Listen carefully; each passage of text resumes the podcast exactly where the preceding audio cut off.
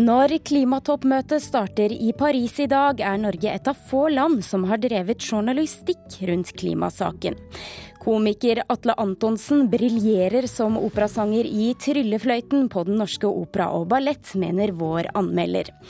Det blir nostalgi og nye overraskelser når vi ser nærmere på årets julekalendere på norsk TV i desember.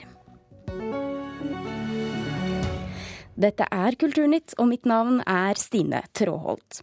I dag starter altså klimatoppmøtet i Paris, og norske medier har den siste tiden hatt nedtelling og temauker der de har rettet søkelyset mot nettopp klima og miljø. Men klimarapporteringen varierer stort i Europa. I enkelte land vet man knapt hva som skal skje i Frankrike de neste dagene. Everyone was talking about, oh yeah, the uh, summit in Paris. I looked it up and I didn't find like anything useful about what's to, what to expect or what's gonna happen there. It's just like, oh yeah, there's gonna be like summit and just about the security things because of the Paris attacks. Lene Lusite finner lite om klima og klimatoppmøtet i media hjemme i Latvia. I forrige uke var hun en av 22 europeiske journaliststudenter som var i Oslo for å studere klimajournalistikk. Well, Førsteamanuensis Andreas Ytterstad ved Høgskolen i Oslo er ansvarlig for kurset og har vært med å kartlegge klimajournalistikken internasjonalt. Han sier det er store skilnader i dekninga. Bare i Europa er det store forskjeller. Og det, ting er ikke alltid som vi tror. I Nederland så er det ikke sånn at de er så opptatt av de demningene sine som man skulle tro. I Latvia eller Polen er det nesten ikke klimadekning i det hele tatt.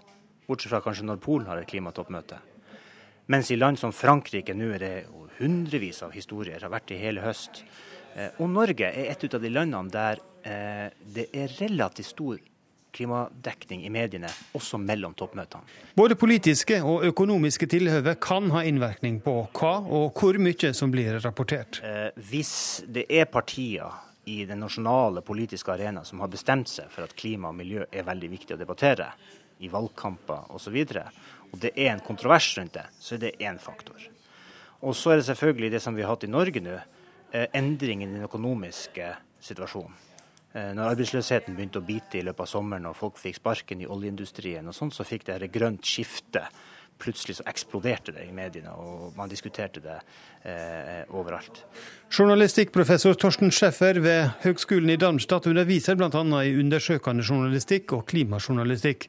Han mener media kan spille en viktig rolle i klimadebatten gjennom temaveker, arrangement og å sette søkelyset på klima. They can do like um, action days or conferences, and then they are like really active doing something themselves. But they can create um, a public sphere, they can create uh, conditions that help much to alter things, to change maybe attitudes and also politics. For Lene Lusite fra Latvia har kurset i klimajournalistikk vært en vekker. Hun håper dette kan bli noe hun kan arbeide videre med når hun kommer hjem. Actually, now I'm considering it. Like, I have to admit, when I came here, I didn't expect what to like. I didn't think about what to expect from this course. I didn't study climate change at all before, and I didn't even looked it up. And after I read my first book, I was like, "Oh, we are in a lot of trouble." and I think I could, should go back and write at least at least pay attention to that, or talk about the other reporters and journalists to do something about that because it's a big thing. Ja, Den latviske studenten Lene Lucite håper altså på å kunne jobbe mer med klimajournalistikk i fremtiden. Reporter her var Espen Alnes. Og nå skal vi rett og slett holde oss i Paris og Frankrike, for i etterkant av terrorangrepene så går debatten om regjeringens bombing i Syria. Men få vil kritisere Hollande og regjeringens handlinger, så de som får kritikk, er samfunnsaktørene som ikke støtter regjeringen. Og en av dem er den franske filosofen Michel Onfray. Hatmeldingene mot han er nå så store at han har stengt Twitter-kontoen sin og ikke våger å gi ut sin neste bok. Nous devrions, nous, la France, cesser de bombarder les populations musulmanes sur la totalité de la planète. Vi fransmän borde sluta bomba muslimer överallt på vår jord, uppmanade Michel Onfray nyligen, vilket lett till stor polemik. Både innan och efter attentaten i Paris den 13 november har han varit en av få personligheter som öppet gått emot Frankrikes bombningar i Syrien. Filosofen tror at fortsatte bombningar mot IS kommer att leda til nye attentat. Michel Onfray en av Frankrikes mest kända filosofer. Han betecknar seg selv som ateist og er stark motståndare til alle religioner. Efter sina uttalanden anklagas dock Onfray av sina kritiker for att spotta på de 130 personer som mördades i attentaten. Og mange er de franske filosofer som stödjer president Hollands utrikespolitik. En av dem er kände franske filosofen Alain Finkielkraut som i tv sagt at det vore mye farlig i dagsläget att vara pacifist som Michel Onfray. Je pense qu'il est très dangereux, je pense qu'il nous entraîne vers un, un, un, un pacifisme intégral. Et euh, Michel Onfray va jusqu'au bout. Jeg tycker man borde utvidga bombningarna i Syrien, sier Alain Finkielkraut også. Michel Onfray har svarat Finkelkraut med å si at efter sitt uttalande har han flere millioner døde muslimer på sitt samvete. Angreppen mot Michel Onfray har dock vært så hatiske at han nu i söndags stängde sitt Twitter-konto. I lørdags meddelade filosofen at han ikke lenger tenker tale med pressen for å undvika at hysteri bryter ut. Og i fredags bestemte han at ikke låta gi ut sin neste bok Tänka islam, som var planerad till januari. For i Frankrike er opinionen for tilfellet ikke kapabel att föra en ærlig debatt om islam, ger Onfray som forklaring. Mina uttalanden, sier han, er et forsøk å redde verdensfreden. For som filosof så er det mitt arbeid å gi perspektiv på aktuelle hendelser. Le travail du, du philosophe, c'est de penser l'instant, mais en le mettant en perspective avec les longues durées. Reporter Johan Tolgert.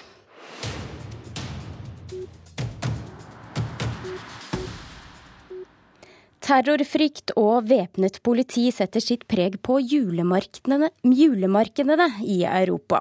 Det som skulle være koselige handlegater med gløgg, preges av økt vakthold og avlysninger av barnearrangementer i Tyskland og Frankrike. Det skriver Aftenposten. I Tyskland alene blir det arrangert rundt 2500 julemarkeder i året, med 50 millioner gjester, og myndighetene frykter at store folkemengder utgjør lett mål for terrorister. Flere forfattere protesterer mot planene om å forkaste byggingen av et nytt bibliotek i Bjørvika i Oslo.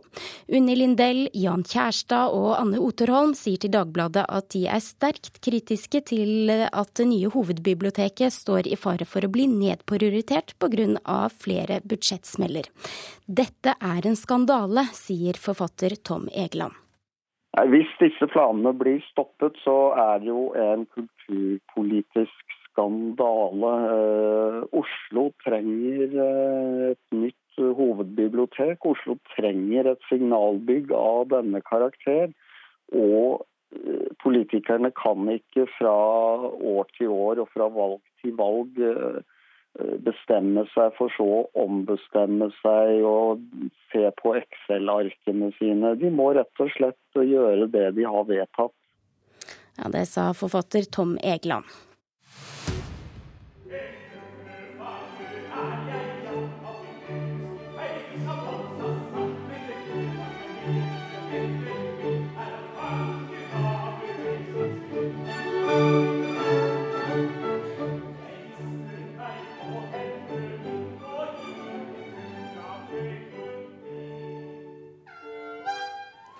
Dette er eh, komiker og skuespiller Atle Antonsen. Han debuterte som operasanger i Mozarts 'Tryllefløyten' på lørdag kveld i Det Norske Opera og Ballett.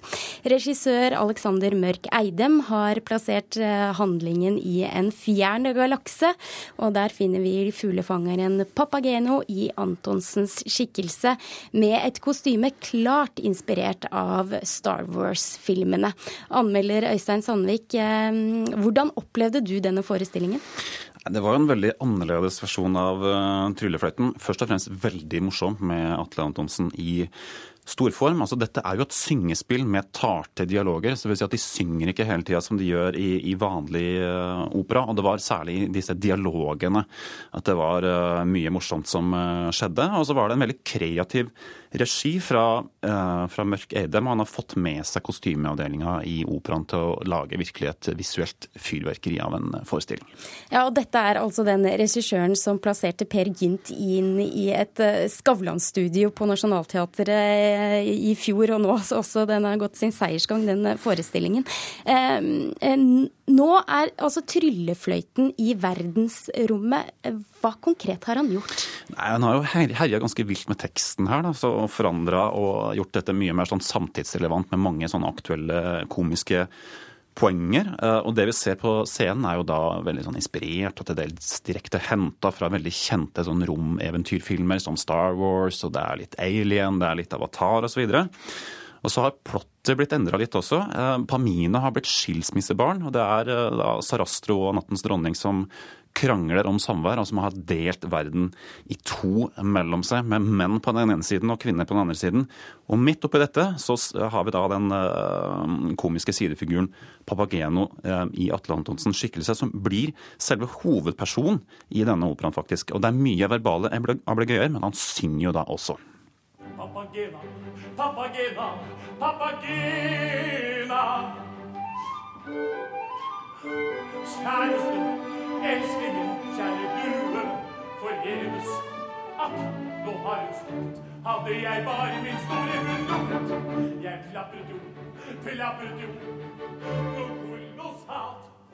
Ja, dette er da altså Atle Antonsen i sin debut som operasangen. Eh, altså, hva er det som gjør at dette holder mål? Nei, altså han synger med den stemmen han har. Han, han har sikkert fått veldig mye coaching, og musikalsk så, så er det veldig på plass. Han synger rent, det er bra timing, det er musikalsk. Eh, og det bærer godt eh, ut i salen. Det er klart at det blir et helt annet vokalt uttrykk enn de mer skolerte eh, operasangerne som man deler scenen med det. Men det gjør ingenting, for dette er jo en mer komisk folkelig rolle, så det er veldig godt integrert i måten han gestalter hele denne rollen på. Så det fungerer helt utmerket. Er det likevel fare for at det kan bli for mye Atle Antonsen-show her? Det er litt fare for det, og det er grunn litt det som skjer også. fordi at, uh, altså Det er tydelig da at regissør Merk Edem har uh, funnet liksom størst potensial i disse komiske uh, figurene. Så de tradisjonelle hovedrollene, ikke sant? altså Tamino og Pamina, de, de, viser jo heltemot og prinsippfasthet i denne operaen til Mozart. ikke sant? Men den kjærlighetshistorien mellom de to den fenger ikke så veldig mye. Vi sitter på en måte og venter på neste standup-sekvens med Papageno. Det er ikke bare Atle Antonsen dette dreier seg om, det er også og velskolerte eh, sangere fra Det Norske Opera og Ballett. Hvem andre vil du trekke frem? Det var mye bra sang her. Altså, Eir Hindraug som Nattens dronning, altså denne veldig kjente fyrverkeriarien i Tryllefløyten. Ikke så kald og teknisk briljant som eh, man kanskje kunne ha venta seg i en annen type forestilling. Fremsto som en kvinne som var god på bunnen, på en måte. Men kanskje det største øyeblikket var det Mari Eriksmoen som sto for, som Pamina, som leverte forestillingens høydepunkt rent musikalt sett med sin arie i andre akt. Altså Det var som sagt mye komikk her, men dette sto frem som et gripende øyeblikk og en fin påminnelse om da, at i opera så er det tross alt disse øyeblikkene med stor sangkunst som teller mest. Øystein Sandvik, vi skal høre litt eh, fra Mari Eriksmoen til slutt. Du skal kort få lov å oppsummere hva du syns om denne forestillingen. Morsom, kreativ, flott å se på. En flott kveld i operaen. Dette er Mari Eriksmoen.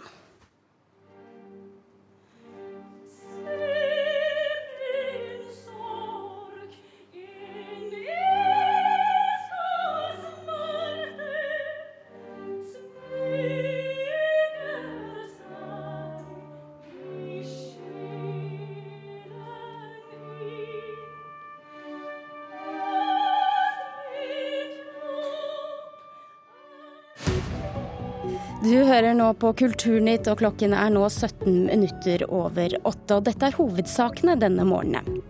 Det er store forventninger til klimatoppmøtet i Paris som starter i dag. 140 stats- og regjeringssjefer skal forsøke å bli enige om en global klimaavtale. Gapet mellom lave og høye lønninger kan øke når flyktningene skal inn i det norske arbeidsmarkedet, mener professor. Og barn får dårlig smertebehandling hos allmennleger og på legevakt, viser en studie. Neste år så er det 150 år siden dikteren Sigbjørn Opsfelder ble født. Han var Nordens første modernist, men døde ung og kom i skyggen av kameraten Edvard Munch, mener lyriker Jan Erik Vold. Lyrikeren er nå glad for at 150-årsjubileet for forfatteren skal feires til neste år, og det jubileet det starter med et skuespill på Skoleteatret i Stavanger, som Oppselder selv var med på å starte. Det lyse, varme liv blant dere, og det, det er ikke for meg. Jeg har sett på dere i aften. Jeg har sett dere le. Si meg, er I dag glade? Altså, vet dere virkelig hva det er å, å være menneske? Til saken! Radioteater fra 1951, kryssklippet med Stavanger katedralskoles versjon anno 2015. Trolig de to eneste oppsetningene av Sigbjørn Obstfelders skuespill 'De røde dråper' etter urfremføringen ved Balkongen teater i Oslo i 1928. Han snakker om å finne noe som kan roe ned mennesket. Ikke nødvendigvis at vi skal leve lenger, men at vi skal leve lykkeligere sier Vegard Hoel, skuespilleren, hentet inn som instruktør til Iduns julekomedie ved Stavanger katedralskole Kongsgård. Så alt her er jo freda, man får lov til å slå inn en spiker.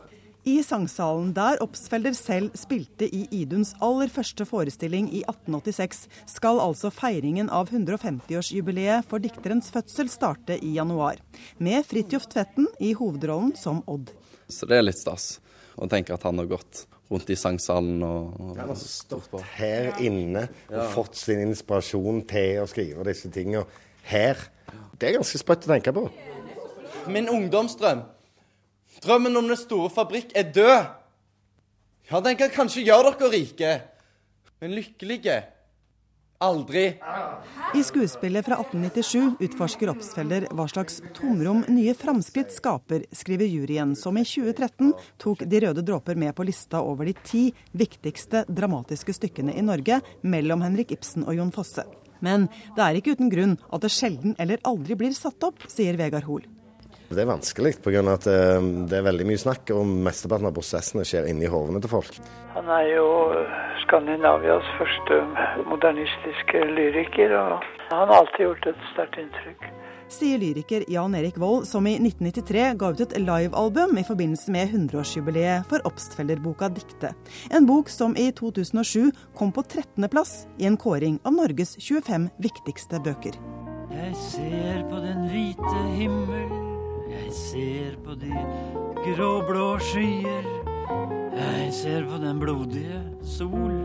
Som uh, nybrottsmann, ikke bare i Norge, men i, i Skandinavia, så, så, er han en uh, han er førstemann. Han skrev uh, frie vers før noen annen gjorde det i, i Skandinavia.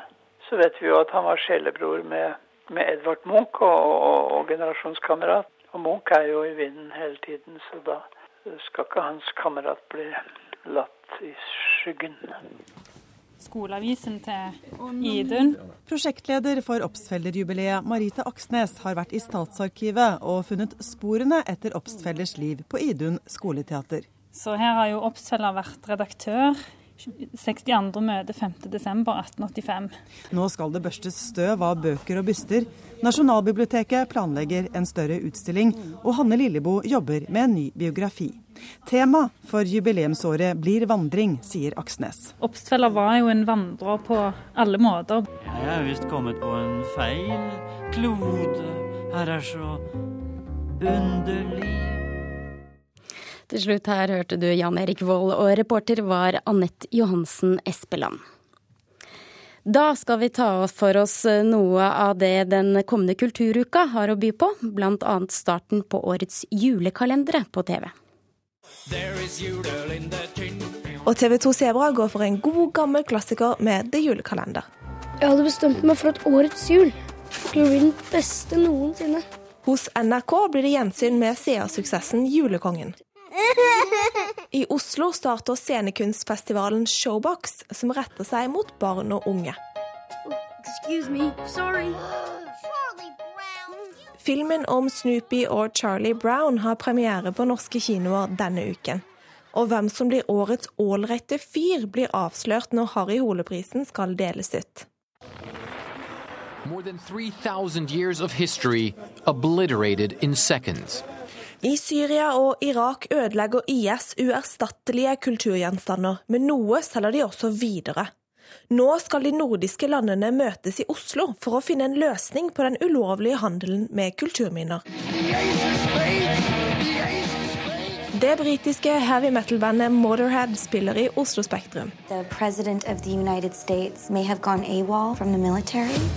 Filmen Truth er basert på en hendelse fra 2004, da nyhetsprogrammet 60 Minutes publiserte en kontroversiell sak om president Bush. Ta godt imot en av våre fremste langrennsskiidrettsutløpere. Sist, men ikke minst, nå er det klart for TV Norges flunkende nye julekalender, basert på den populære Espen Eckbo-figuren Asbjørn Brekke. Her er regjerende verdenspetter på ski, mester Northug junior! Og reporter her, det var eh, Therese Moe. Og akkurat der så kommer eh, Espen Eckbo inn døra i radiostudio. Bare gå, stå inntil mikrofonen der. Du, vær så god. Hei. Så hyggelig. Du er aktuell med et nytt uh, Asbjørn Veldig Brekke aktuell. Veldig aktuell. Bråaktuell, ja.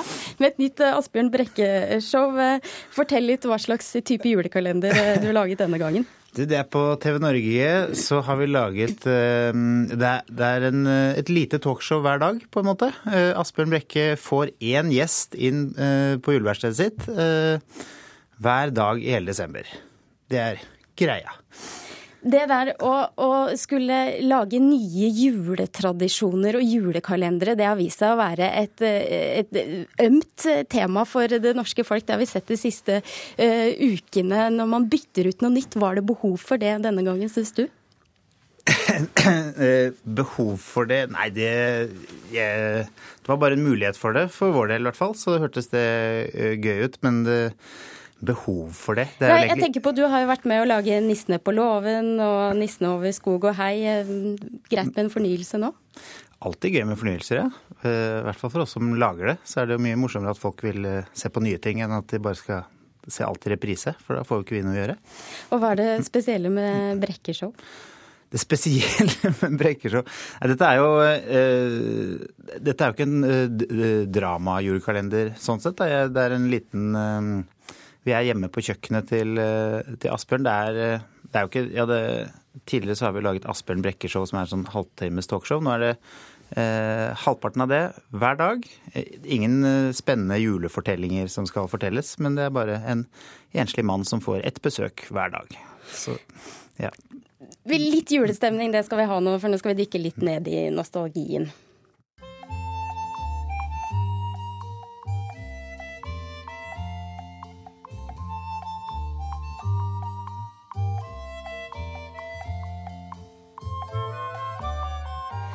Programredaktør i NRK Super, Hildrid Gulliksen, eh, hva slags stemning eh, setter vi deg inn i da? Og veldig god stemning. Sånn hyggelig førjul og stearinlys og veldig god stemning. Men likevel så er det, satser NRK på Julekongen i år for andre gang. Hvorfor det? Fordi vi syns det er en veldig fin julekalender. Eh, Og fordi vi har lyst til å gi barn historier som forteller noe om deres eget eh, liv, også i førjulstida. Men det har jo i forkant av eh, årets julekalendere vært en enorm mobilisering for å få NRK til å sende de gamle klassikerne, som Skomakergata, som vi hørte her, og ikke minst Jul i Blåfjell er det mange som har kjempa for å få tilbake. Kommer det til å skje? Altså Jul eh, i Blåfjell og Månetoppen, som er der eh, engasjementet har vært aller størst eh, i år. De, vi håper at på, vi på sikt vil få rettigheter til at de kan ligge ut på nett, sånn som eh, Julius Komakergata og Amalies jul eh, gjør nå. For det viktigste for oss er jo at, eh, at vi tilfredsstiller vårt publikum, og at de som har lyst på disse julekalenderseriene, kan få lov til å, å få dem også i førjula. Men i år er det altså julekalender, nei, Julekongen, og så er det ikke mindre enn tre andre julekalendere også på NRK Super. Men er disse seriene nå litt utdaterte? Det, vi forteller jo historier på en litt annen måte nå eh, på NRK Super enn det vi gjorde før. Eh, og det kanskje det aller viktigste er at barna har en helt annen plass nå. Før så vi serier, eller så lagde vi serier som mer var for barn, hvor det var de voksne som var i fokus. Nå er det barna som er i fokus, og det er deres historie vi forteller. Og det er deres kultur og deres språk og deres virkelighet som vi har lyst til å speile i større grad. Fordi de voksnes fortellinger, de er, det mange, de er det mange som har lyst til å ta seg av. Så vi er opptatt av eh, barna. Så det er kanskje den største forskjellen. Espen Eckbo, ja, kjenner du dette engasjementet for de gamle, gode juletradisjonene? Jeg, jeg er veldig nostalgisk forhold til Jeg er Skomakergata, i hvert fall. Jeg er kanskje litt for gammel for, de, for disse andre. Men det er jo gøy med alt som, gå, som, er bra nok til at det kan gå i reprise. Men eh, så det eh, Men det er jo litt forfriskende og gøy med noen nye ting også. Og vi på TV Norge er jo ikke opptatt av å gjenspeile noens virkelighet. Vi skal bare underholde og lage noe som fenger og er gøy, så vi, vi slipper å eh, tenke på noe annet enn akkurat hva som er ja, for morsomst. Tror du at de voksenretta julekalenderne som sendes på TV 2 og TV Norge har blitt like viktige juletradisjoner som eh, disse barne-TV-kalenderne? Jeg vet ikke, Vi lager jo mer julekalendere for eh, voksne, eller i hvert fall føler jeg eh, det. For mine jevnaldrende som blir stadig mer voksne. Og så er det litt en bonus hvis det appellerer litt eh, til forskjellige aldersgrupper. Men ja, Nå husker jeg ikke hva spørsmålet var. Men tenk, avslutningsvis her, er det en konflikt mellom behovet for fornyelse og tradisjon? Sånn som dere tenker det? Altså, jeg, jeg, tenker jo at i den verden som vi lever nå, hvor alt kan tilgjengeliggjøres på nett, så sant vi har rettigheter, så trenger det jo ikke være noen konflikt i det hele tatt. Da er det jo bare jo mer, jo bedre. Ja. Ok. Og øh, ja, jeg er enig, bare for å få siste ordet, skal jeg si. Jeg er enig i det. Og det er jo grenser for hvor mye vi kan se på av julekalendere. Man må jo få litt nye ting innimellom, da. Det syns jeg. Ok, da fikk du siste ord, Espen Eckbo. Takk for at du også kom, Hildri Gulliksen. Kulturnytt eh, den nærmer seg slutten eh, for i dag. Eh, jeg skal ta med at lyriker Ruth Lillegraven blir festspilldikter under de nynorske Festspilla til neste år. Hun fikk Brageprisen i 2013, og nå skal hun sette sitt preg på Festspillene i Ørsta og Volda. Ansvarlig for denne sendingen var Vidar Sem.